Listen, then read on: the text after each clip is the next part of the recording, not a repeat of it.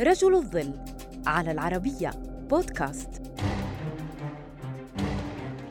خلال الحرب العالمية الثانية كانت ألمانيا تتفاخر أثناء غزوها أوروبا بإرسال آلاف الرسائل المشفرة يوميا إلى جيشها المترامي الأطراف. من دون وجود من يستطيع فك رموز هذه الرسائل من دول الحلفاء حتى أتى عالم الرياضيات والمنطق البريطاني آلان تورينغ الذي قدم مساهمات كبيرة أثناء الحرب بتحليله الرسائل النازية مما أسهم في إنقاذ عشرات الملايين من الأرواح.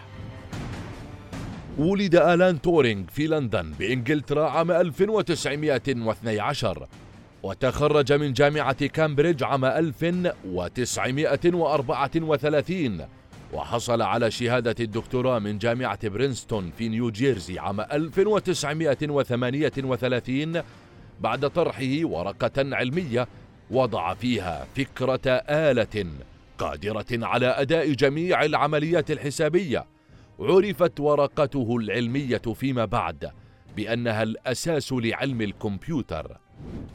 وجاء عام 1939 الذي اندلعت فيه الحرب العالمية الثانية فانتقل تورينغ لمدينة ميلتون كينز الإنجليزية وانضم إلى بليتشلي بارك التي كانت المقر الرئيسي لفك رموز وشفرات الرسائل النازية وخصوصا فك رموز شفرة إنيغما وهي آلة تشفير استخدمتها ألمانيا لإرسال الرسائل بشكل آمن إلى قوتها البحرية والجوية والبرية.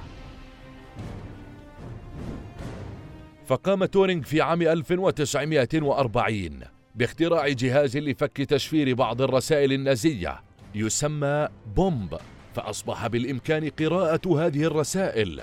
ومن ثم عمل تورينغ على فك الرسائل الأكثر تعقيدا والمرسلة خصوصا إلى الغواصات الألمانية التي كانت تتسبب في خسائر فادحة في سفن الحلفاء.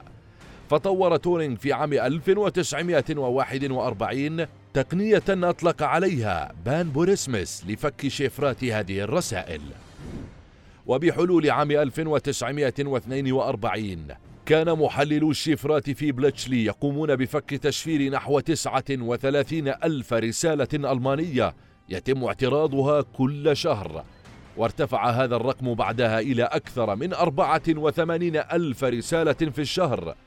كما أصبح بالإمكان اعتراض وفك رموز الرسالة الواحدة خلال خمس عشرة دقيقة فقط بعد أن كان يستغرق ساعات وحتى أياما في بعضها.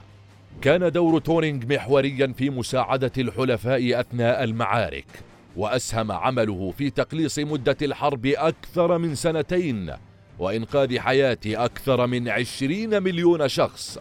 وبعد نهاية الحرب العالمية الثانية منح تورينغ وسام أو بي إي تقديرا لجهوده المبذولة.